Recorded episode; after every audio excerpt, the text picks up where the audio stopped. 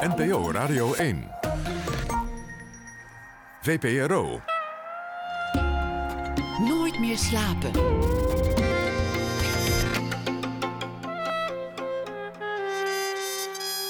Met Pieter van der Wielen. Goedenacht en welkom bij Nooit meer slapen. Wat is kerst zonder gestrande reizigers op de journaals?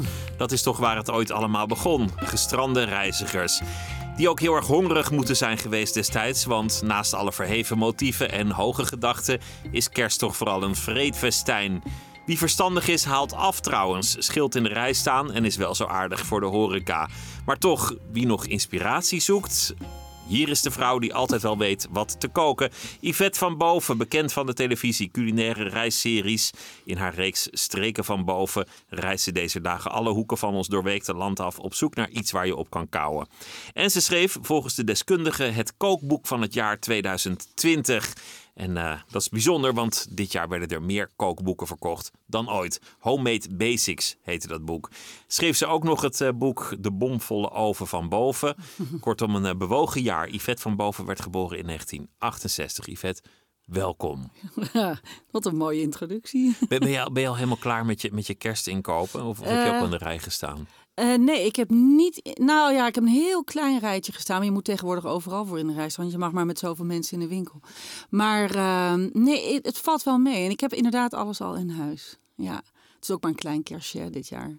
Dus ze hoeven ook niet zo ontzettend druk te maken. Tenminste, ik maak is, me toch druk, maar uh, dat vind ik gewoon leuk. Dat, dat, is al, dat is al de eerste fout die mensen maken. Om dan ineens met kerst iets te gaan doen dat je nooit eerder hebt gedaan. Wat ingewikkeld te maken en, en je uit te gaan sloven. Waardoor je eigenlijk stress hebt. Terwijl je beter je greatest hits gewoon kan opvoeren. Eigenlijk wel, hè? Ja, ja eigenlijk wel. Ik, ik, ik zeg ook altijd tegen mensen die niet heel vaak koken. Uh, maak inderdaad iets wat je zeker kan. Want um, koken moet eigenlijk gewoon iets leuks zijn natuurlijk. Het, is, de, het moet absoluut geen stress opleveren. Ik sprak uh, pas een uh, vriendin die zei... oh god, mijn moeder is al een week helemaal van de leg gewoon van de stress. Die kan gewoon de hele avond kan ze ook niet ontspannen. En dan denkt ze alleen maar dat ze dingen vergeet. En dat vergeet ze dan ook. En dan denk ik, oh man, wat erg. Wat erg toch. En dan komen er maar twee mensen eten. wat afschuwelijk om er zo stress van te hebben.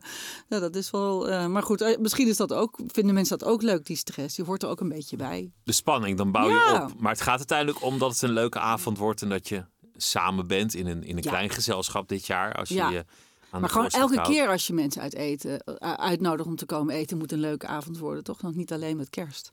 Nee, anders, anders zou het een beetje een rare handeling zijn om mensen uit te nodigen als het helemaal niet, niet, niet gezellig wordt, uh, toch? Precies. Wat, wat, is dit voor, voor jaar geweest? Want het lijkt op papier heel erg druk, alles wat je hebt gedaan. Alsof, alsof je weer heel veel. Ja, dat was het ook. Uh, uh, um, voor heel veel mensen was het een heel ander jaar. Maar voor mij is dit jaar, uh, ja, heb ik er wel twee in één jaar geleefd. Denk ik. Twee jaar in één. Is dat niet altijd zo bij jou? Ja, dat is eigenlijk altijd zo. Ja. En is het niet zo dat je altijd zegt: volgend jaar ga ik het wat rustiger ja, doen? Dat is Want ik ben mezelf voorbij gerend. Dat is wel echt waar. Nou, ik zal je zeggen, ik begon het jaar heel goed. Ik begon het jaar in Ierland. Uh, nou, niet helemaal, maar ja, bijna wel. En, uh, en toen zat ik in Ierland en toen kwam er een lockdown en toen zat ik daar vast. En uh, toen was het nog allemaal heel onzeker en wisten we ook helemaal niet of we door Engeland terug konden rijden. Want wij, wij, wij rijden altijd en gaan met de boot hè, met, naar Ierland toe. En um, uh, en toen was het allemaal nog zo onduidelijk en heel, weet je, coronavirus, hoe, hoe. En uh, um, dus toen zaten we daar en dat vond ik eigenlijk wel prima. Ik had mijn boek net af, dus dan komt voor mij altijd de rustperiode voordat de PR-periode aanbreekt. Um, en dan, ja, dan valt er ook niks meer aan dat boek te doen, dan moet hij naar de drukker. Dus uh, ik had een, nou, ik wil niet zeggen vakantie, want ik heb altijd wel werk, maar ik had wel rustig. Ja, ik zat lekker op mijn berg. Dat, dat, klinkt als een zegen. Ja, daarom. Dus zo erg was het allemaal niet. En, uh, en, uh, en daar hebben we gezeten tot aan de zomer. Um, en toen zijn we nog even een maand terug geweest naar Ierland. Dat moesten we heel veel dingen afsluiten en doen. En toen uh, kwam ik terug om een programma op te nemen. En ja, voor de hele rattenplan die dan Kookboekenweek heet en zo. Ja, toen, was, toen was de race weer begonnen. Toen was de race weer begonnen. Maar dat is dan maar een paar maanden. Uh, en uh, heel veel kerstproducties maken, kerstrecepten en kerstmenu's. En, uh... Maar heel even was daar die rust waar je zo vaak naar verlangt hebt. Ja. ja wat, wat bracht het?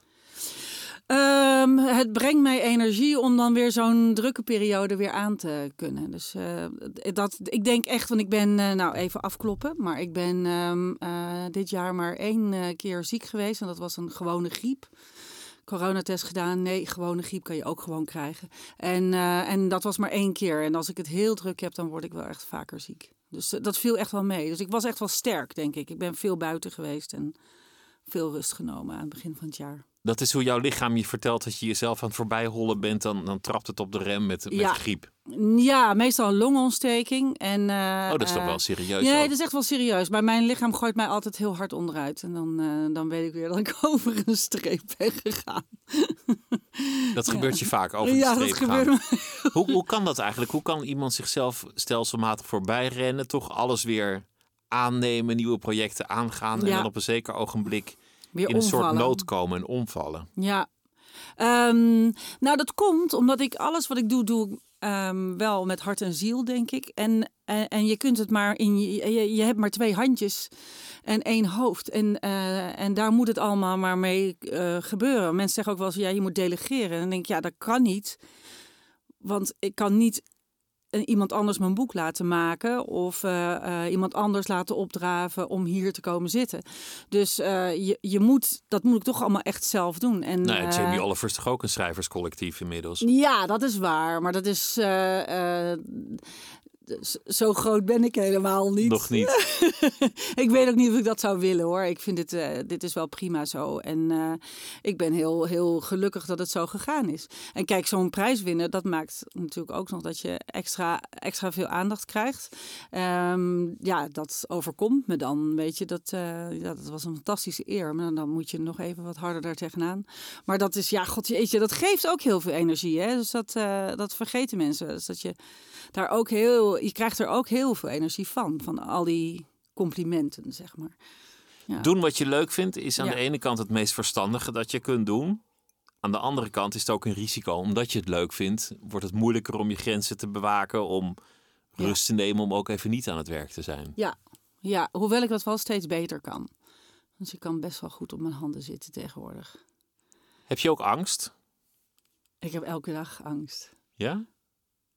Ja, ik heb best wel. eh, ik vind. ehm, nou, elke dag angst. Dat komt nou meteen heel, heel zwaar over. Dat bedoel ik niet. Maar ik heb een. een eh, ik ben een beetje faalangstig. En ehm, ik kijk bijvoorbeeld eh, nooit de volgende dag naar kijkcijfers of dat soort dingen. Dan- Dan denk ik, oh, ze vonden het vast niet goed. En dan krijg ik heel langzamerhand allemaal complimenten. En denk, oh, gelukkig, nou, die is er in ieder geval doorheen. maar ik hou altijd bij alles mijn adem in. Alles. Als het boek uitgaat, vreselijk vind ik het. Ja. Ik weet niet Terwijl, waar... terwijl je wel moedig hebt geleefd. Als, je, als ik kijk naar het verloop van jouw leven en je loopbaan. Je bent stappen aangegaan waar je niet per se voor geschoold was. Of, of Nee. misschien niet het bewijs had dat het zou lukken. Ja. Nou ja, ik... ik ehm, ik, ik, eh, ja, ik weet niet. Ik ben misschien eh, eh, op een soort ik ben heel ik ben op een posi positieve manier onbezonnen. Zou dat het zijn of zo? Ik, ik, ik vind gewoon iets dan heel erg leuk om te gaan doen en dan ga ik het wel aan. En dan eh, stap ik er gewoon met alles wat ik heb in. En dan, eh, ja, dan hoop ik dat, dat tot een goed einde te brengen. En ik denk altijd, als je het maar met hart en ziel doet, dan, dan, ehm, ja, dan moet het toch lukken. Hoe moet ik dat nou zeggen? Ja, zoiets. Het begint uit interesse, enthousiasme. En dan, dan stort je erin en Ja. dan, dan, ja, dan moet het wel goed gaan. Ja, dan moet het wel goed gaan. Ik, eh, nou ja, dan, daar, daar vertrouw ik dan op. Ja, ja. Ja, en ik geloof niet in half werk. Dus ik denk dat, eh, dat eh, je. ehm, ja, je, je moet het gewoon. eh, ja, nee, wat ik heb er wel een goede uitdrukking voor, maar ik ben me nou even kwijt. Ja, ik, ik wil gewoon geen spijt hebben van dingen die ik gedaan heb. Dus ik wil het. eh, dus dus eh, je moet gewoon moeite doen om het, om het tot een goed einde te brengen. Dat is een beetje mijn motto, zeg maar. Niet later zeggen, had ik het maar anders gedaan Ja. of dit is niet goed gegaan. Ja, als je weet dat het beter kan, waarom doe je dat dan niet? Dat, dat, dat vind ik bij heel veel dingen sowieso. Maar meestal krijg je spijt van dingen die je niet hebt gedaan. Ja, maar dan doe ik ze alsnog. Dan moet je ze alsnog gewoon...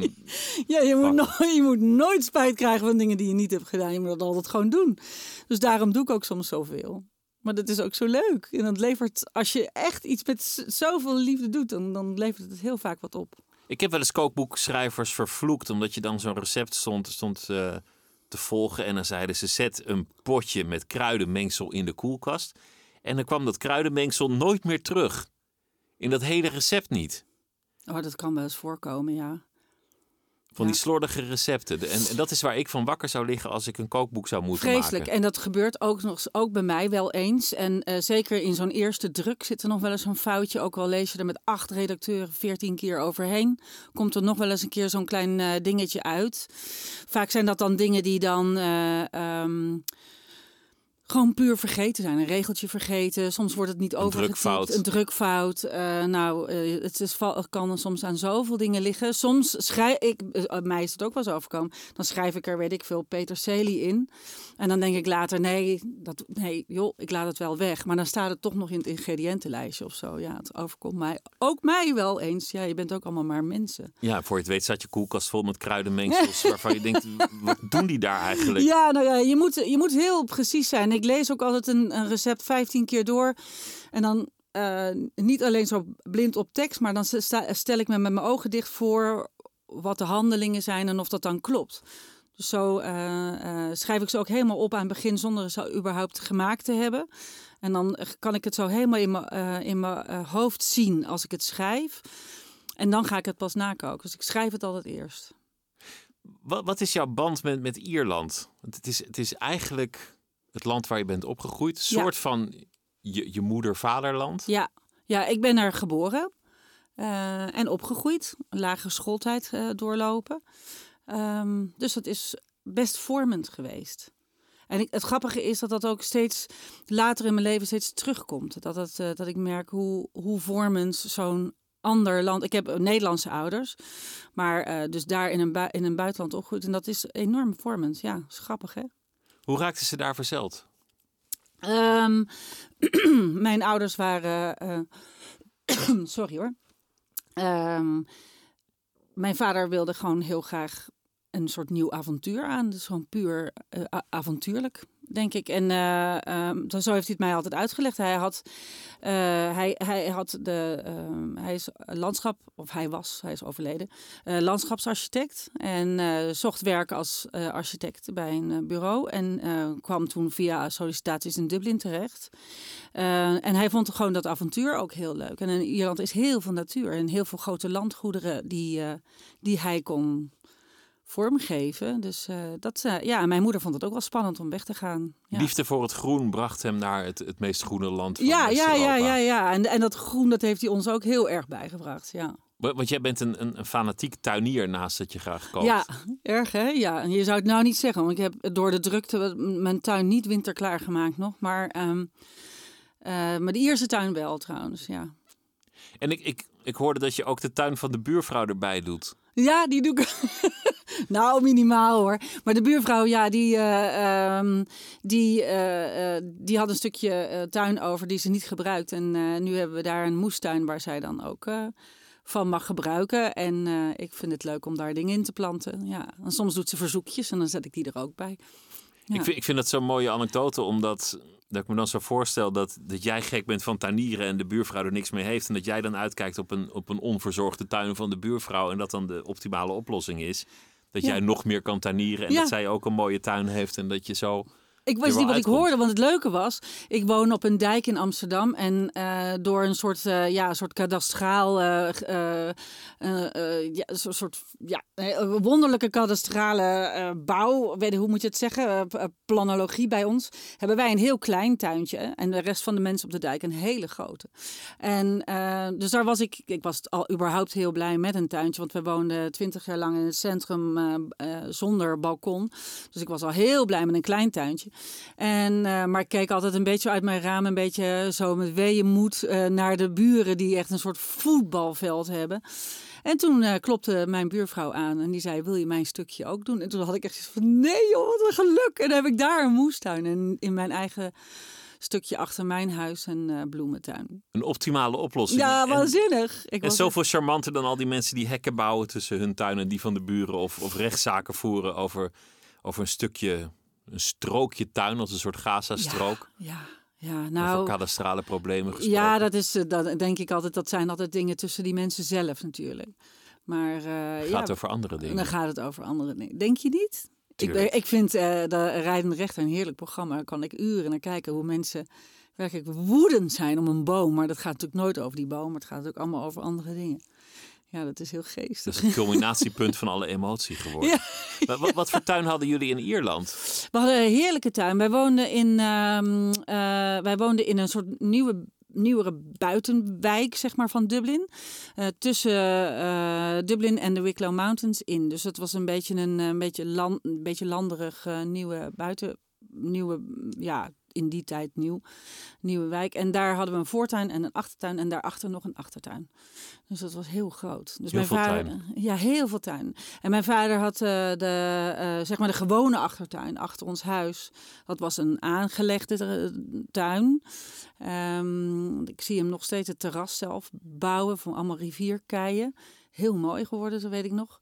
En, eh, en dan het achterste gedeelte was een trappetje op en dan was een soort achtertuin. En dat was een hele wilde tuin met hoog, heel hoog gras. En daar had mijn moeder artisjokken staan, dat weet ik nog. Dat waren mijn eerste artisjokken die ik ooit at. En daar konden we altijd allemaal hutten in bouwen en zo. Dat was een beetje onze kindertuin. Nou, wij- mochten wel dat een beetje wild in spelen en zo. Daar, dat maaide mijn vader heel weinig. Daar maakte hij één keer per jaar altijd zo'n soort groot vuur... waar eh, alle afsnijsels en snoeisels en alles in ging en zo. Dat was heel spannend. Klinkt als een idylle zoals je het vertelt. Ja, was het ook. Nou, het was, ja, zeker. Die tuin die was echt wel geweldig. Ja. Maar ja, je leer, ik weet niet, als je, ik denk dat alle kinderen die in Ierland opgroeien, er is gewoon meer natuur dan stedelijkheid. Dus eh, eh, ja, iedereen leeft buiten. Je groeit gewoon op buiten. Ik ben niet echt een enorme Ierland-kenner. Een paar platen van Van Morrison en dan, dan houdt het eigenlijk wel weer op. Wat, wat, Ja. voor, wat voor eten is Ierland nou beroemd om? Want ik, ik heb eigenlijk helemaal geen voorstelling van de Ierse keuken. Nou ja, eh, hij lijkt eigenlijk heel erg op de Hollandse eh, keuken. Het AGV'tje. Het AGV'tje, stampotje, eh dus veel aardappelen en worst. Ehm, Toch een arm land geweest lang. heel erg arm land geweest. 800 jaar onderdrukt geweest door de Engelsen. Toch een vreselijk ander volk dan Engelsen. Dat is heel grappig. Mensen die er weinig van af weten denken dat het een beetje hetzelfde is. Maar dat is compleet niet waar. Het is een, een compleet ander, eh, ander volk. Andere religie. Andere religie. cultuur. eh, ja, andere cultuur. En, en nou ja, ze zijn, eh, ze zijn veel ja, opener en vriendelijker, vind ik. jovialer dan Engelsen.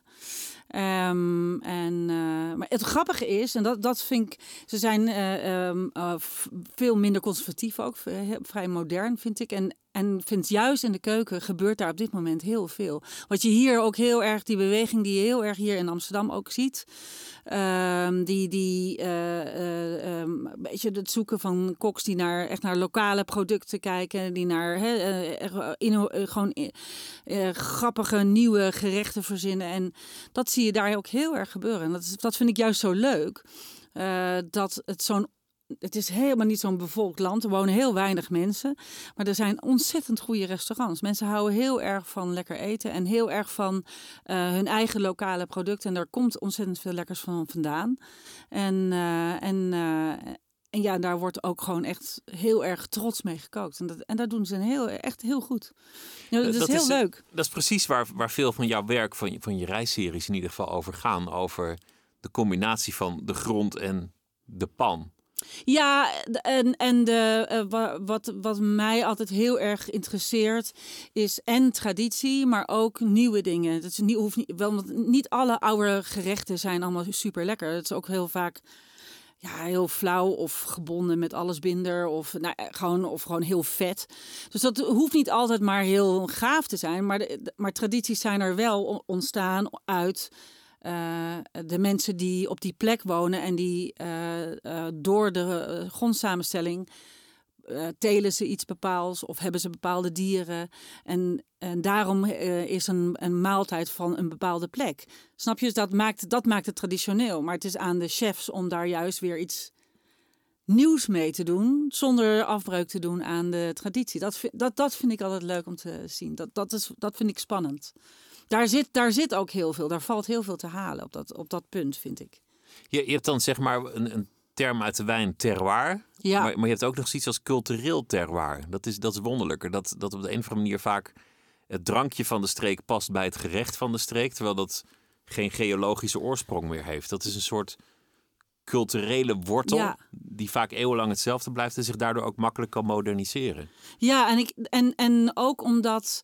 Ik denk dat dat ook een soort iets is wat nu ook heel erg leeft. Dat eh, eh, heel veel eh, jonge en oude mensen, want ik heb ze in mijn reis door het land in, van alle leeftijden meegemaakt, zijn daarmee bezig. En, het is niet, het is, en dat is op alle plaatsen zo. En dat is, het is niet alleen in Nederland, ook in Ierland zie ik precies hetzelfde gebeuren. Mensen zijn ontzettend bezig met de plek waar ze zijn en het product wat ze daar vandaan kunnen halen en dat en dat te maken of te verbouwen of te produceren. En dat is echt heel grappig om te zien. Dat is, eh, eh, en ik, ik weet niet, het is ik heb het gevoel dat dat nu erger is dan ooit. Of groter is dan ooit. is ook leuk om te zien in je, in je reisserie over, over Nederland. Dat je naar allerlei streken gaat en dat je zoveel streekproducten en streekgerechten weet te vinden in Nederland. Ja, of geen streekgerecht vinden. Ik was in de Beemster bijvoorbeeld en daar, had, daar bestaat gewoon, er is geen streekgerecht. Dus eh, elke keer Zelfs de kaas kon je niet zomaar vinden. Nou ja, nee, ja, nou dat is waar. Nou, de kaas wist ik wel, eh, de grote kaasfabriek wist ik wel te vinden. Maar ik vond het nog wel heel leuk om, om eh, weet je, om echt eh, de moeite te doen om kleinere producenten te vinden. Maar het is wel, het is wel grappig. ehm, en dat, dat, is, dat, dat vond ik het leuk aan het programma. Je bent op zoek naar een streekgerecht. En je komt dan soms alleen maar producten tegen waar we een nieuw streekgerecht weer kunnen, mee kunnen maken. Dus ja, ik, ik vond het eigenlijk eh, boeiender nog dan ik dacht. Want het klinkt een beetje vlak, een streekgerecht. Dan denk je, ja, ja. Maar toch is het wel heel leuk. Het spreekt heel erg. Het, het, het spreekt, het, het, het, het, het laat heel erg één plek zien. Dat vond ik echt, dat is echt heel, ja, bijzonder. Ik vind de serie misschien ook wel heel leuk om naar te kijken vanwege de landschappen. Ja, De landschappen worden mooi in beeld gebracht. ja vind ik ook. Jij hebt daar duidelijk ook wel, wel affectie mee met landschap. Ja. En wat, wat natuurlijk in het functionele Nederland altijd is, dan heb je zo'n prachtig stukje Maas met een kerktorentje. Dan heeft iemand daar een kolos van een kantoortoren tussen gezet. Goed hè? Want we moeten wel gewoon praktisch blijven, mensen. Ja, dat is ook overal hoor. Dat is niet alleen Overal. in Nederland. Nee, dat is waar. Dat is in andere landen ook wel. Maar Ja. ik denk in Nederland nog wel iets functioneler dan in. Frankrijk bijvoorbeeld. Nou, de Fransen kunnen ook soms hele lelijke banlieues bouwen midden in prachtige gebieden. Ik Ja, de banlieues zijn vreselijk. Oei, Je oei, hebt oei, gelijk. oei, oei. Ja, dat kan ook heel erg fout uitvallen. Maar eh, ja, ja ik, dat, dat vond ik ook wel leuk aan dit programma. Want ik hou zelf heel erg van reizen. Ik hou van wandelen. Ik hou van heel veel van buiten zijn. En eh, dat kon ik eigenlijk allemaal, komt allemaal hier aan bod. En, eh, en we wilden heel graag eh, niet alleen maar polders laten zien. Dus dat Nederland eigenlijk voor zo'n klein, zo'n klein landje zo vreselijk veel verschillende ehm, eh, veel gebieden heeft die zo anders zijn. Dat, is, dat vond ik echt heel erg leuk. Ik was nog nooit zo ver in de Achterhoek geweest, maar daar helemaal verliefd op geworden. Ik vond het echt prachtig. Ongelooflijk leuke mensen, heel erg leuke plek. Heel mooi, ja. ja. En het eten in de, in de Achterhoek. Ja, we hebben eh, veel ree gegeten daar. Ik wist dus niet het, dat er eh, bijvoorbeeld ree in de Achterhoek is en herten in de Veluwe. En geen herten in de Achterhoek, wist ik ook niet. Wist jij dat? Nee, Ja. dat zijn van die dingen die je dan weer makkelijk verkeerd zegt en dan de boswachter beledigt. Zo, nou, dat deed ik dus ook de eerste keer. Dat doe ik dus nu nooit meer. Dat heb ik wel geleerd. ja, ja. Je, je vertelde over, over je, je vader die, die landschapstuinarchitect was. En dat Mhm. jullie een grote tuin hadden waar dan van alles groeide wat ook Ja. in de keuken terugkwam. ja. Als je dat vertelt zou ik zeggen, nou ja, die werd later zelf tuinarchitect of, of, of iets dergelijks. Interieurarchitect ben ik geworden. Dat, dat is je eerste opleiding. Ja, Maar, maar waar kwam het koken vandaan? Werd er, werd er thuis... Nou, er werd, gekookt? ja, er werd wel thuis gekookt. Ehm, mijn ouders zijn Limburgers. Ehm, eh, als je de Limburgse aflevering hebt gezien, dan weet je dat dat mensen zijn die nogal... Ik was even bang dat je fly ging maken, maar het was gelukkig een andere taart. Ja, een Christoffeltaart. Die, Maar- die er fantastisch uitzag. Ja, die was goed. Hè? Dat is een hoop slagroom, joh. Maar het was wel heel erg lekker. Maar eh, nee, ik heb de Limburgse ouders en het zijn dus gewoon Burgondische mensen. Dus die, eh, daar zit gewoon het goed eten zat daar gewoon in. Dus het is niet eens dat me, ik, ik geloof niet eens dat mijn moeder er altijd zoveel plezier in had. Als wel dat ze het gewoon vond dat dat zo hoort. Ze dekt ook altijd, de tafel, twee, drie keer per dag met stoffen servetten en, eh, en, eh, eh, en voorhoofd na. En dus dat was bij ons gewoon eten en, en, en normaal gewoon aan tafel gaan zitten en gewoon goed eten. Dat was bij ons wel altijd normaal. Ehm, maar mijn ouders hadden niet een speciale ehm, voorkeur voor eten. Ze vonden wel alleen dat wij altijd alles moesten leren. Dus niet alleen koken, maar ook naaien of timmeren of metselen. Eh, dat hebben we allemaal wel geleerd. Want vonden mijn ouders die hebben dat ons altijd wel bijgebracht, mijn zus en mij. Echt vaardigheden. Vaardigheden, ja. Mijn moeder vond belangrijk dat wij onze eh, eh, broek op konden houden. Dat we nooit afhankelijk waren van andere mensen. Dat we het altijd zelf konden. Dus die heeft ons echt alles geleerd. En ook op hele jonge leeftijd al. Ehm, omdat ze bang was dat we ons anders eraan zouden bezeren. Dus als, eh, dus als we had, mijn moeder had bijvoorbeeld altijd een naaimachine staan. Dus zij leerde ons al, op, ik kan me herinneren, ik denk dat ik vier of vijf jaar oud was. En dat ik mijn poppenkleertjes zelf op haar naaimachine op haar schoot zat te naaien. Omdat ze bang was dat als ik het in mijn eentje ging doen, dat ik dan de naald door mijn vinger zou halen. En toen dacht ze, nou, dan leer ik het je nu maar vast gewoon goed. Dan, dan, dan weet je in ieder geval hoe dat ding werkt. Dus zo leerden ze ook ons heel vroeg al koken. Dan wisten we dat het fornuis dus heet was en dat je je kon branden aan de oven. En eh, waar pannenlappen voor waren, zodat we ons ook niet daaraan zouden kunnen bezeren. Want dan wisten we hoe het werkte. Dus in plaats van ons daarvan weg te houden, liet het ons juist heel erg doen. En eh, eh, dat vond ik, ja, dus achteraf vind ik dat nog steeds wel een hele leuke benadering. Voor, want je bent geneigd om te zeggen: nee, nee, nee, pas op, kijk uit. Maar zij deed het juist het tegenovergestelde. En, eh, Dus eh, erop af, juist als een veiligheidsmanoeuvre. als een veiligheidsmanoeuvre, ja. En, da- en daardoor leerden we ook vrij vroeg al die dingen wel. Dus we zijn wel altijd allebei wel, eh, ja, zo. ja. En mijn zus doet ook nog steeds alles zelf. Maar, maar kookte jij als kind al ja, thuis? ja, thuis ook al. Ja, heel graag. Ja, heel erg graag. Ehm, en mijn zus ook trouwens hoor. Ehm, en, eh, en ik Dat, heb dat is wel. wel bijzonder. Ik, ik hoor het van kinderen die aan tafel zitten zeggen dat ze alles smerig vinden en verder gewoon maar Volgens mij zijn dat ook worden. fases. Ik heb ook een fase gehad dat ik niks at. Eh, Mijn vader had zelfs op, me- die had van die wrijfletters, letra Z, ken je dat nog? Van die grote, van die wrijfletters. En die had hij voor onderaan zijn tekeningen, want toen had je nog geen computers en plotters en zo. En dan, eh, maar die had met die wrijfletters had hij op de muur, zo, heel groot, naast mij, want ik zat naast de muur. De tafel was zo'n half oor, weet je wat, zo tegen de muur aan stond. Had hij heel groot eet ge- ge- geschreven. Dan hoeven ze dat niet de hele tijd tegen mij te zeggen. Dan wezen ze gewoon zo tegen naar de muur. Bord leeg. Dus die periode heb ik ook gehad. Volgens mij zijn dat gewoon periodes van kinderen. Dat ze een tijdje niet eten en dan weer wel. En dan... Ja, volgens mij is dat, heeft elk kind dat. Maar ik vond het wel leuk. Ik vond koken heel leuk, bakken heel leuk. En toen ik een jaar of tien was, denk ik dat wij wel... Nou, toen we net in Nederland woonden... Ja, toen kon ik wel gehaktballen of spaghetti of zo. Weet je, van die gemakkelijke dingen, die kon ik wel zelf maken. Dus maar werkte mijn moeder al. En dan eh belde ze op of wij dan vast het gehakt uit de, eh, uit de vriezer wilden halen en zo. Ja, dat konden we dan wel. Maar, maar je was nog steeds visueel ingesteld. Ja, Met het talent voor vormgeving. ja. Talent voor hoe dingen eruit moeten zien. Ja, dat, dat wist ik toen nog niet, maar dat, eh, dat, dat bleek dan achteraf. Maar, eh, ik kon nogal veel en... Of tenminste, ik vond eh, nogal veel dingen leuk. Eh, waaronder koken. Ik weet nog dat ik wel heb gevraagd aan mijn ouders of ik naar de kokschool mocht. En toen zeiden mijn ouders van nou ja, ik zat destijds toen nog op het gymnasium. En ze zeiden ja, je, je, je zou ook wel meer kunnen. Er zit wel een beetje aan, dat, dat is zo ehm, rechtlijnig. Het is zo, hè, dat is zo eh, eenzijdige opleiding. Het, het zou leuk zijn als je wat breder iets zou doen. Dus zij stelde voor dat we naar de kunstacademie gingen. Wilden mijn zus en ik wel allebei. Hebben we ook allebei gedaan.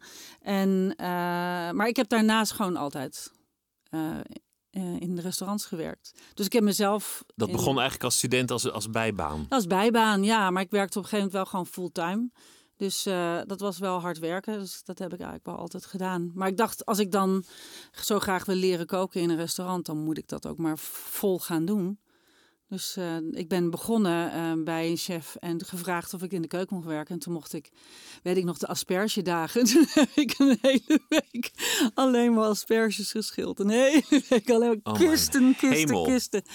Ja, maar ja, goed, ik dacht, ik wil dit. Dus ik, ik zal maar onderaan moeten beginnen. Schorseneren zijn nog erger. Ja, dat is allemaal hetzelfde. Het is gewoon een hele- dunschiller, gewoon één. Fikken. Ja, handschoentjes heb je ervoor. een beetje je handen wassen. Maar eh, ja, dat heb ik altijd gedaan. En ik heb het heel erg veel plezier gedaan altijd. En, ehm, eh, en later heb ik... Grappig is dat als je... eh, ik kwam van de academie, ik werkte als ontwerper. En toen kon ik niet meer zoveel in de horeca werken. En dat ging ik toen heel erg missen. Ik, ik schiet er even doorheen. Zo is het ongeveer een beetje gegaan. En toen ontmoette ik mijn huidige man. Ehm, en eh, wij, hij, is fotograaf.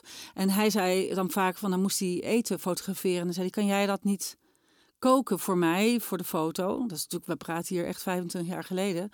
En, eh, en dan, toen merkte ik voor het eerst, er ging er zo'n soort licht aan in mijn hoofd. Dat ik dacht, nu kan ik beide eh, eh, dingen die ik geleerd heb, namelijk vormgeven, compositie maken en koken, kan ik in één ding combineren.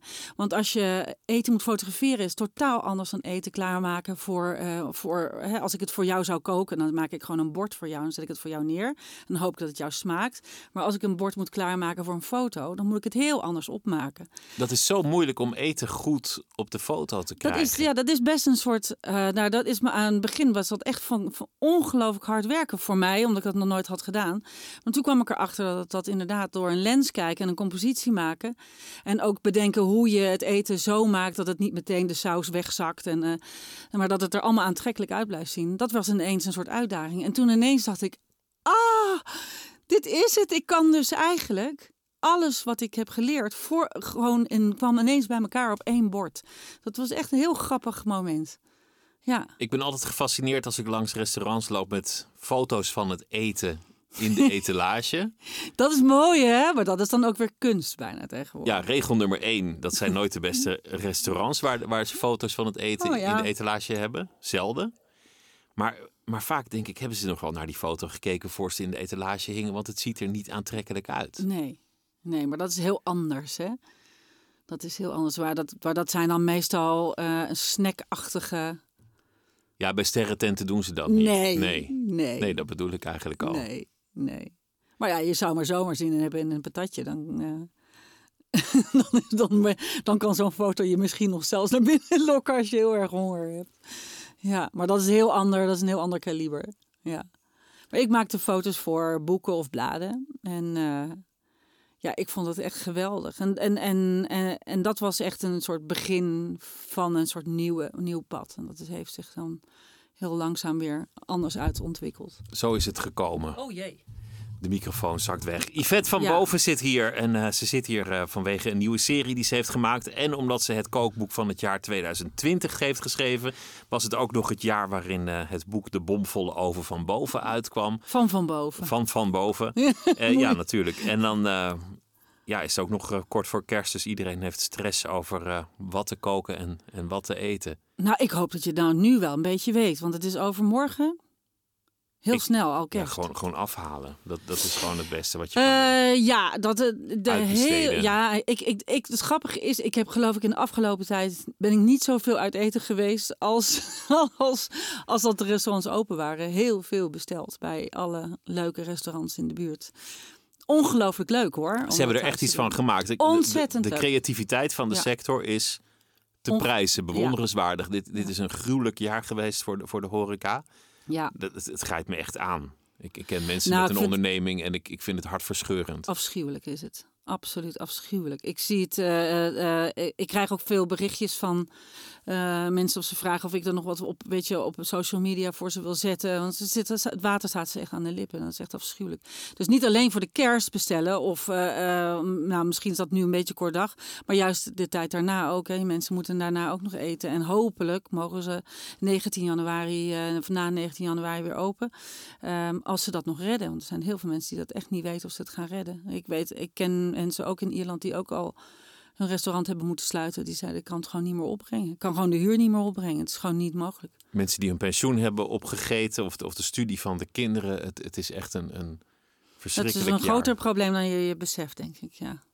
Ja, dus daarom. eh, eh, de- het is, en- maar het leuke van een menu afhalen bij sommige restaurants is echt. ehm, eh, eh, de creativiteit is fantastisch. Je hebt zelf een geweldig menu. Sommige restaurants doen een heel zelf in elkaar zet menu, maar heel veel mensen eh, vinden dat te veel werk. Nou, er zijn ook heel veel restaurants die complete, de- alleen maar dingen aanbieden die je zelf kunt opwarmen. En ehm, eh, wat ik ook wel leuk vind, er zijn een aantal restaurants waarvan die ik ken in Amsterdam. Ik weet in, in het verdere land weet ik dat niet helemaal zeker. Maar er zijn, wat dat is iets waar, waar ik ze ook op, op had aangesproken. Er zijn ontzettend veel. Alles komt in kleine bakjes en verpakkingen. Heel veel verpakkingen. Ehm, maar heel erg veel van die verpakkingen, zeker door betere restaurants, zijn allemaal afbreekbaar. Ik heb dat eens aan, aan een chef gevraagd. Die zei: nee hoor, al die plastic bakjes die je ziet, dit is gemaakt van eh, suiker. Dat wordt dus gewoon compleet afbreekbaar. Dus dat is echt wel grappig. Daar kun je best naar vragen. Dat, is, eh, dat vond ik zo interessant. Ook nog innovatief. Ja, dat, dat bedoel ik. Dus al die, er zitten best wel gave, er zitten best wel gave dingen tussen. Dat is echt wel heel erg leuk om je daar eens bij stil te staan. Je, je vertelde over hoe je je huidige liefde tegenkwam. Je, je man. Ja, J- jullie waren eerst heel lang gewoon vrienden. ja, ja. En, en verder geen geliefde, een, een Nee. jaar of, of tien. En toen Ja. alsnog is de, de vonk overgesprongen. Hoe werkt zoiets? Gek hè? Ja, nou ja, god, het is nu inmiddels al een tijdje geleden. Ehm, dat is heel eng. Ik weet niet of, jij, eh, of het jou wel eens overkomen is. Maar eh, het is heel eng om, eh, om ineens te denken van... Oh, ik voel iets voor iemand die ik heel goed ken. Die je al heel goed kent en Ja. met, met wie je al die jaren bent opgelopen zonder Ja. dat je je realiseerde dat... Dat dat dat, de man van je leven zijn. was. Ja, het is heel raar. Ja, ik wist, het is ook iets heel prettigs, omdat je, je weet al dat je enorm met elkaar kan lachen, want daarom was je al vrienden. En je weet ook al wat je aan elkaar hebt. Dus Je kent elkaar al, dus je hoeft Ja. niet dat, dat uit te vinden. dat, hoeft, dat stukje hoefde helemaal niet. Nee, het, het leven ging eigenlijk gewoon door, maar dan met z'n tweeën. Dus dat was, eh, eh, we hebben het ook heel lang eh, een beetje van ons afgeduwd. Een hele zomer hebben we toen uitgesteld. Toen hebben we gezegd, nee, nee, nee, nee, nee. misschien moeten we dit niet doen, want Zonde van de vriendschap van als de het vriendschap, misgaat. Ja, als het misgaat, precies. En ook onze gezamenlijke vrienden eh, riepen dat allemaal. Die zeiden, doe dat nou niet. Als het daar uitgaat, dan vallen we allemaal in elkaar. Maar ehm, nou, het, het, het was toch niet te houden. En, eh, en ik heb er geen spijt van. En hij eh, geloof ik ook niet. En jullie zijn, zijn al lange tijd bij elkaar. Dus ja, we zijn 24 jaar of zo bij elkaar. Ja, echt wel heel lang. Bijna een kwart eeuw, joh. Ja, gek hè? Ik, als dat me bes- eh, eh, bedacht ik me, goh, ik, eh, wij zijn al langer bij elkaar dan dat ik gewoon bij mijn ouders heb gewoond. Dat zijn hele grappige soort momenten van besef. Dan denk je, jezus, word ik oud. Maar het is wel zo, ja. Werken jullie ook nog steeds samen? Ja, heel intensief eigenlijk. Ja, zeker. Ehm, eh, we hebben ook twee bureautjes naast elkaar. ja, het is echt heel erg. Ja, we werken heel veel samen. We- eh, eh, Natuurlijk doen we ook eh, eh, onze eigen opdrachten. En eh, dat is natuurlijk niet elke dag. Maar we zijn wel allebei eh, eh, samen thuis. Hij heeft wel een eigen studio, maar daar zit hij eigenlijk alleen om te fotograferen. Ehm, we maken bijna elk jaar wel een boek. Dus dat is natuurlijk wel heel veel werken. We werken voor de Volkskrant samen elke week. Ehm, en eh, nu is hij een boek aan het maken ehm, over de Japanse keuken. Hij is nogal een soort enorm getalenteerde eh, vischef. Het is echt heel, heel bizar hoe hij zich daarin eh, heeft ontwikkeld. Dat is echt, ik ben er sprakeloos. En eh, ik geef het vorm en, en schrijf het boek. Dus de rollen zijn nu omgedraaid. En dat is eigenlijk heel erg leuk. Ja. Dus, dus manlief doet nu het, de, de inhoud, het, het koken eigenlijk. Ja, ja. En ik eh, eh, help hem met de opbouw van het boek. ehm, ehm, maar eh, ja, geef het boek vorm. Dat doe ik natuurlijk met al onze boeken, maak ik allemaal zelf. Ehm, en, en hij doet de illustraties en, en, en de fotografie. Dus dat is heel grappig. Maar ik sta heel vaak op het knopje te drukken als hij met zijn handjes in beeld moet. En, en, dan schrijf je, en dan hij schrijft het in schets op en ik schrijf het dan uit. Ja. Jullie reizen ook veel samen? En we reizen, reisden heel veel samen, ja. ja. Pre- Pre-covid uiteraard. Pre-covid, ja. Heel veel samen gereisd, ja. Ja, en gaan we ook hierna weer doen. En zijn, zijn het de reizen die ook helemaal in het teken staan van, van eten? Van, van het bezoeken van een Eh, restaurant? Ja, ja, ja. Eh, ik ga nooit meer eh, eigenlijk naar plekken waar ik niet lekker kan eten. Ehm, Dat zijn ook zelden leuke plekken. Nou, dat is niet ik. helemaal waar. Dat is niet helemaal waar. Ik vind bijvoorbeeld Spanje een vreselijk mooi land, maar ik hou niet zo heel erg van de Spaanse keuken. Dus daar ga ik wat Oh ja. minder naartoe. Het is gewoon echt waar. Ehm, Maar je kan er wel heel goed eten. je, jawel, natuurlijk, ik kan overal heel goed eten. Maar ik ben niet zo'n, gewoon zeg maar, en, en, nou, nu valt natuurlijk de hele wereld over me heen. Maar, en, en dan gaan ze allemaal zeggen, ja, ik kan dit eten en dat eten. Nou, ja, ja, ja, ja, er is heel erg veel lekkers in Spanje. Maar over het algemeen vind ik bijvoorbeeld alles in Italië wel lekker. En dat, ga ik dan Nou ja, iedereen, iedereen heeft zijn persoonlijke Het voorkeur. is gewoon persoonlijke voorkeur. Ehm, maar, ehm, en we maken ook heel veel reizen die gewoon werkgerelateerd zijn. Dus, eh, en, en daar knopen we dan ook vaak ehm, een beetje vrije tijd aan vast. Dus eh, eh, ik heb, we hebben bijvoorbeeld veel voor ehm, eh, de, vertalingen van onze boeken gereisd door Amerika. En dan zijn we ook echt zo zes, zeven weken op tour, maar ook aan het reizen voor onszelf. Ehm, we hebben voor, ook voor over bijvoorbeeld voor zo'n Japanse dingen hebben we ook hele reis door Japan gemaakt. Ehm, dus dat, het is ook altijd, we hebben altijd ergens in ons achterhoofd dat er een soort project aan zit of zo. Eh, het is ook een soort inspiratie opdoen, eh, nieuwe smaken leren, eh, ehm, kennen, proeven, gewoontes leren. Ja, het is allemaal een soort verrijking voor je hoofd ook. Dus het levert je ook wat op. Dat vind ik namelijk ook leuk. Ik ben niet zo'n, ik ga niet op een strand liggen. Deed ik het maar eens. Ik zou wel weer eens een keer. een Ja, ik ga weer. Ik ben net weer een goed boek begonnen. Maar ik ben niet zo'n. Op vakantie ga ik niet liggen op een bedje met een boek. Nee. Ontspannen lukt uiteindelijk niet omdat je zoveel interesses hebt en toch altijd gretig bent om weer iets te leren kennen. Ja, dat is ook leuk. Het is leuk om eh, ja, rond te lopen en eh, om meer te leren. Ja. Lijkt me ook wel fijn als je, als je een relatie hebt met iemand dat je samen de blik de wereld inricht en niet alleen maar de blik op elkaar hebt en dat je samen op die, ja, de hele tijd op een soort avontuur kunt gaan. Omdat je dezelfde interesse hebt en dan ook nog dat samen als werk kunt doen. Ja, dat, dat is ook heel leuk. Ehm, wij zijn ontzettende dromers. Eh, zeker als we in Ierland. eh, we hebben, dat is natuurlijk ook heel leuk. We hebben een, we hebben een heel klein eh, oud boerderijtje ge- gekocht. Met heel veel land eromheen en allemaal oude schuren. En daar kunnen we ook heel lang. Heel veel glaasjes wijn en vuurtjes eh, stoken. En glaasjes wijn drinken. En dan gewoon zo mijmeren over wat dat allemaal kan worden. En eh, ja, en dan gaan we daar een buitenkeuken bouwen. En dan, ja, het, is, het is heel leuk om een beetje samen een beetje te fantaseren. En soms, eh, ja, de, de hopelijk, hopelijk lukt alles. Maar het hoeft niet altijd. Je mag altijd ook een beetje dromen. Ben je onmatig, zo- zodat je zonden zijn?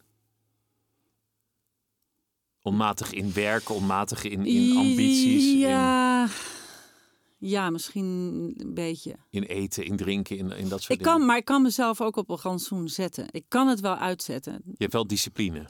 Ik heb wel, ja, ik heb wel discipline. Ja, ja ik kan, ik kan, eh, eh, ja, ik ben best wel gedisciplineerd, maar ik ben wel, eh, ik, ehm, ik, kan een, ik kan het wel uitzetten, maar ik vind het vaak te leuk en daardoor laat ik het langer doorlopen.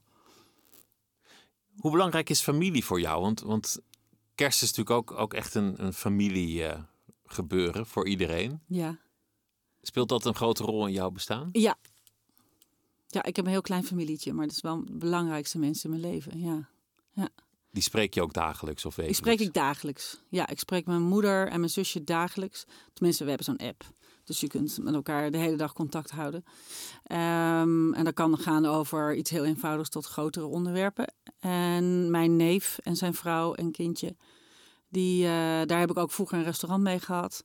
En ik noem hem ook altijd mijn broertje. En eh, dat is ook mijn, eh, ja, dat, is wel, dat zijn echt wel de belangrijkste mensen in mijn leven. Ja, zeker. En die zijn er ook met kerst. Niet allemaal tegelijk, mag niet, maar na elkaar. Ja. En dan ga jij voor ze koken. Eh, deze keer ga ja, we zouden eigenlijk alles samen doen, maar ik heb al heel veel voorbereid en ik kon het niet laten. En nu, eh, nee, ik ook, ja. Stom, ja, normaal doen we het altijd samen, maar ik heb het geloof ik allemaal ingepikt dit jaar. Maar wa- wat zijn je ambities? Want, want, want er is eigenlijk zoveel op je pad gekomen door je interesse te volgen dat je bent gaan doen. Je had, Ja, je had niet ja. gedacht dat je van het koken en het vormgeven tegelijk een métier zou kunnen maken. En, Nee. toen, en toen werd dat schrijven eerst onbetaald en toen die boeken, de televisie is erbij gekomen. ja. Je doet nog heel veel andere dingen daarnaast. Zeg maar lezingenachtige En situaties. schrijven voor bladen. Ehm, ja, het grappige is, ik heb, pardon, ik heb eh, nooit een eh, vooropgesteld plan. Ik heb altijd gemerkt dat als je dat hebt, dat het altijd anders gaat lopen. Dus om die teleurstelling voor te zijn, maak ik gewoon geen plan. Dan komt er altijd iets op mijn pad en dan kies ik links of rechts. Dus het bestaan reikt jou iets aan. Ja, Op een briefje als het ware. En, Ja. en het is aan jou om daar iets mee te doen. Ja, ja. ik heb ehm, eh, voor mezelf eh, als een soort verstandig en eh, ik moet ook eerlijk zeggen. Ik heb er verschrikkelijk veel plezier in. Ik heb gewoon zeg maar een baan. Hè. Ik, ik werk eh, elke week voor Libelle, maak ik eh, alle ehm, eh, culinaire producties voor. En ik werk elke week voor de Volkskrant. Dat zijn mijn vaste opdrachtgevers. En daardoor heb ik gewoon altijd een vast bestaan. En alle andere dingen zie ik altijd als een soort feest wat erbij komt. Maar als, ik, als dat wegvalt, dan heb ik nog steeds een hele leuke baan. Dus ik ben gewoon hartstikke gelukkig. Het, Ja. li- het lijkt me ook wel stressvol, omdat je, dat je elke keer inspiratie moet hebben voor weer iets nieuws. Nee, dat, dat, dat, is, dat is het enige waar ik geen stress over heb. Want dat komt vanzelf. Dat is het enige waar Hoe ik echt komt op dat kan. dan? Hoe, hoe verzin je dan weer iets nieuws? Omdat dat mijn werk is, denk ik. Omdat. ehm, ik weet het niet. Eh, eh, eh, Wat jij doet, vind ik ook gewoon heel knap. Dat je dan eh, eh, dat je zo'n gesprek weet te voeren van een uur. En dan kun je dan kun je je wel afvragen, ja, hoe kun je dat? Dat is jouw werk. Dat, dat is waarom je zo goed bent in wat je doet. Andermans werk lijkt altijd moeilijk. Dat denk ik, ja. Dat, maar dat is, dat is het, eh, inspiratie of dingen moeten schrijven. Dat is het enige waar, wat mij geen moeite kost.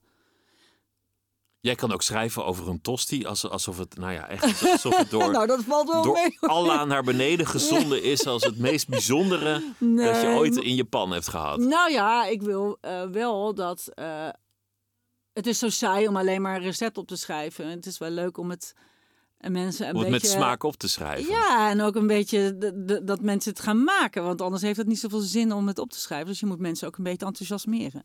Dat vind ik heel leuk om te doen. Om dat proberen over te brengen. En proberen om dat in een leuke zin neer te zetten. In plaats van bak twee boterhammen in de pan. Bij, bij kookboeken zijn er altijd, altijd een aantal regels. Niet te veel ingrediënten. Ja, Het, het moet vooral makkelijk lijken en overzichtelijk. En dan zijn er altijd de trends. ja. Dus, dus dan is gezond is een paar jaar de trend. En dan, dan is eh, het boerenland weer de trend. En Ah, weet je, er zijn eh, trends in alles. In muziek en in kleding en in elke uiting.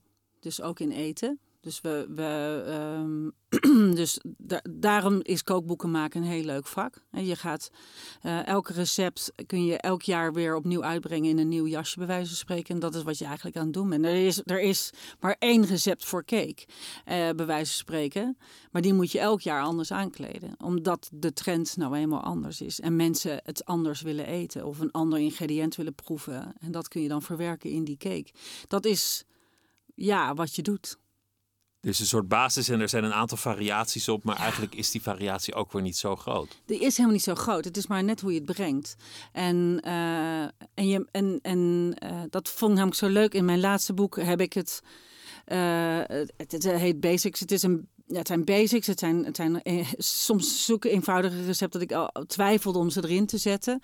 Ehm, maar ik dacht, het zijn gerechten die mensen nu willen eten. Waarschijnlijk is het boek over tien jaar verouderd. En willen mensen helemaal geen taco's meer eten en avocado of wat dan ook. Dus je moet. eh, eh, dus dan, dan is zo'n boek weer uit. Dan is het, daarom zijn sommige boeken geven ook zo'n leuk tijdsbeeld weer. Als jij oude, oude boeken pakt, kookboeken uit 1950, dan denk je, oh wat enig. Kijk dan hoe ze zo'n salade opmaken met van die eh, kersttomaatjes in zo'n in zo'n eh, in zo'n tulpvorm gesneden en eh, mayonaise als versiering in de jaren zeventig, weet je wel, van die salades. De gevulde paprika. Precies, precies. Want dat is toch allemaal, dat is echt allemaal tijdsbeeld. En dat is juist zo leuk. En zo zal, zullen onze boeken ook weer hopeloos ouderwets zijn over twintig jaar.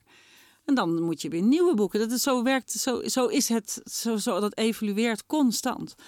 Dat maakt het ook zo leuk. Daarom vind ik het ook zo leuk om naar oude boeken te kijken en kijken hoe deden mensen het vroeger.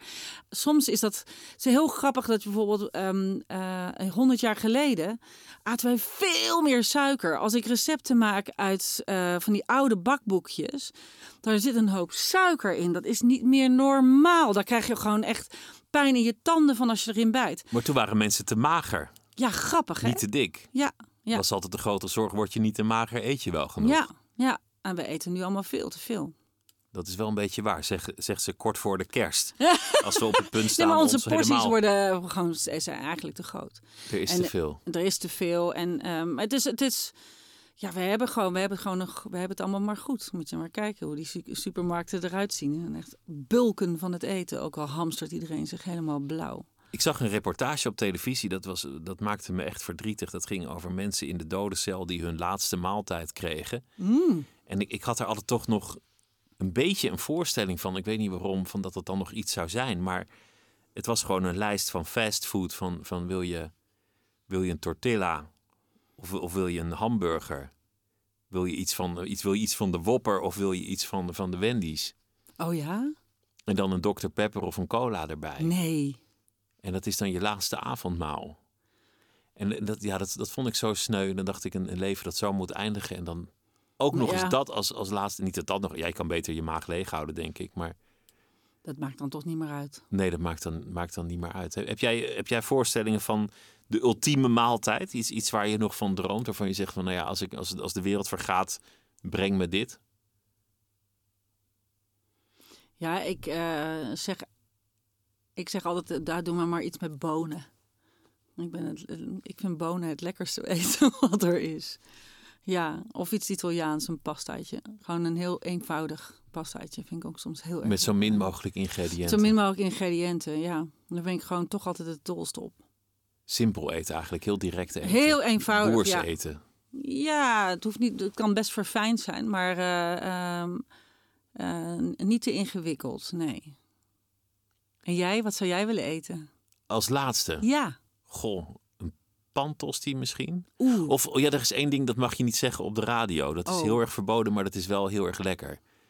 nou, Mensen die, hoor. die met de eh, Franse keuken. Kijk, als je dan toch de doodstraf hebt, dan kan je wel foie gras eten, denk ik toch? Oh, ja. Dan, ja. dan, dan, dan, ja, als je dan toch alles al hebt misdaan, dan kan die er ook nog wel Dan bij. kan dat er ook nog wel Tot bij. die tijd doe het, Het is- niet, mag niet, het is verboden. wel echt heel, heel slecht, gemeen. Ja, het is wel heel erg lekker. Ja. Maar het zou niet mijn laatste zijn. Dan zou ik eerder nog zeggen een garnaalkroketje of zo. Of een kroket. Of een Gewoon pan- een kroket. Een pantosti. Ja, een pantosti is Die heb, eigenlijk die heb ik door jouw boek herontdekt. Ja, hè? daarom heb ik er ook allemaal verschillende op gezet. Dit is toch heel erg lekker. Het is lekkerder dan uit zo'n, uit zo'n ijs. En, en waar moet je bestaan dan over zijn gegaan? Als je terugkijkt, wat, wat wil je dan voor jezelf van, oké, dat was mijn leven. Wat moet eruit zijn gekomen? Jee. Ehm, nou, ik moet je heel eerlijk zeggen, dat klinkt ontzettend religieus. Maar eh, ehm, wat ik het leukste van mijn werk vind, is dat ik zo ongelooflijk veel eh, leuke reacties krijg van ontzettend veel blije mensen. Dat is, ja, dat klinkt een beetje plechtig, maar dat vind ik toch eigenlijk Dat je betekenis hebt. ja, dat in- je in de ik- samenleving. ja, dat ik het niet alleen maar voor mezelf heb geleefd, maar dat ik er ook iets heb kunnen brengen. Ja, dat denk ik. Ja, misschien suf, hè, maar ja, dat vind ik dan. Nee, dat vind ik alles behalve suf. Ja, dat ik. Een mooiere opdracht is er niet om, om, jou, om jouw talenten bij elkaar te brengen en dan iets aan, aan de rest van de wereld te Ja, geven. ja, kijk, wat ik, ik, eh, ik heb natuurlijk geen, ik ben geen arts zonder grenzen of eh, iemand die zo dapper werk doet. Daar kijk ik vreselijk tegenop dat je zo heldhaftig bent. Maar ja, dat, eh, ik hoop dat ik mensen wat vreugde in de pan heb kunnen brengen. En, eh, en vooral, en dat eh, hoop ik het allerergst, dat ehm, heel veel kinderen, eh, want ik maak mijn boeken zo toegankelijk mogelijk ook voor jongere lezers. Ik maak niet voor een bepaalde leeftijd boeken. En ik hoop altijd heel erg dat heel veel kinderen uit mijn boeken gaan koken. Ehm, en dat ook. Ehm, en, zich daar, eh, en, en dus dat meenemen in hun eh, als ze opgroeien. En dat ze dus ook later voor hun kinderen lekker gaan koken. Want ik denk dat daar, daar zit. eh, daar zit het belangrijkste punt. Als je als kind niet meekrijgt, dan kun je het niet doorgeven. En dat denk ik dat, dat daar, moet, daar zit hem de crux.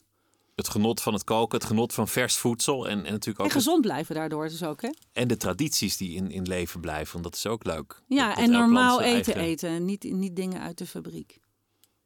Wat steeds moeilijker wordt, want er is zoveel fabriekseten. Ja, maar als je het zelf leert koken, dan uh, dat hoeft niet moeilijk te zijn. Dat is, dat is iets wat ik probeer uit te leggen.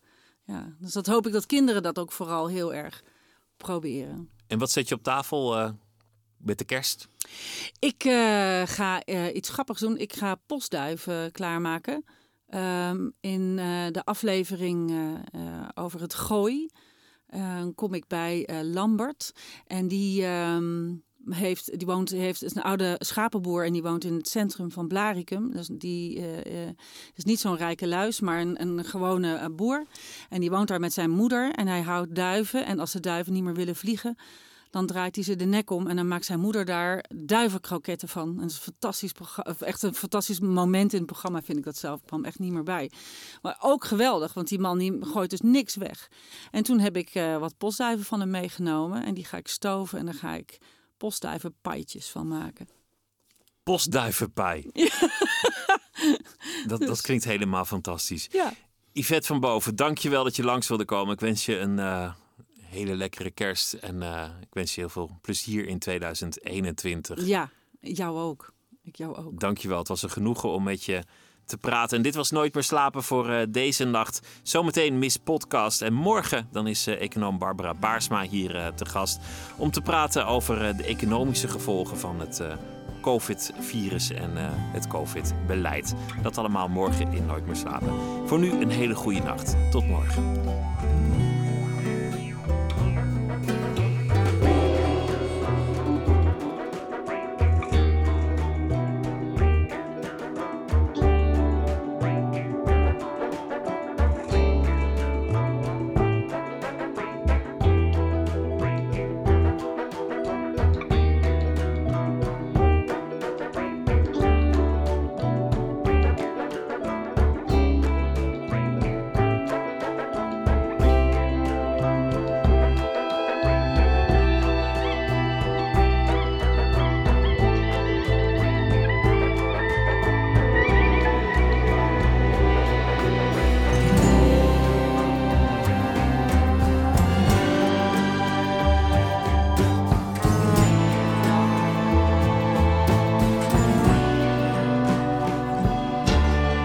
Radio 1, het nieuws van alle kanten.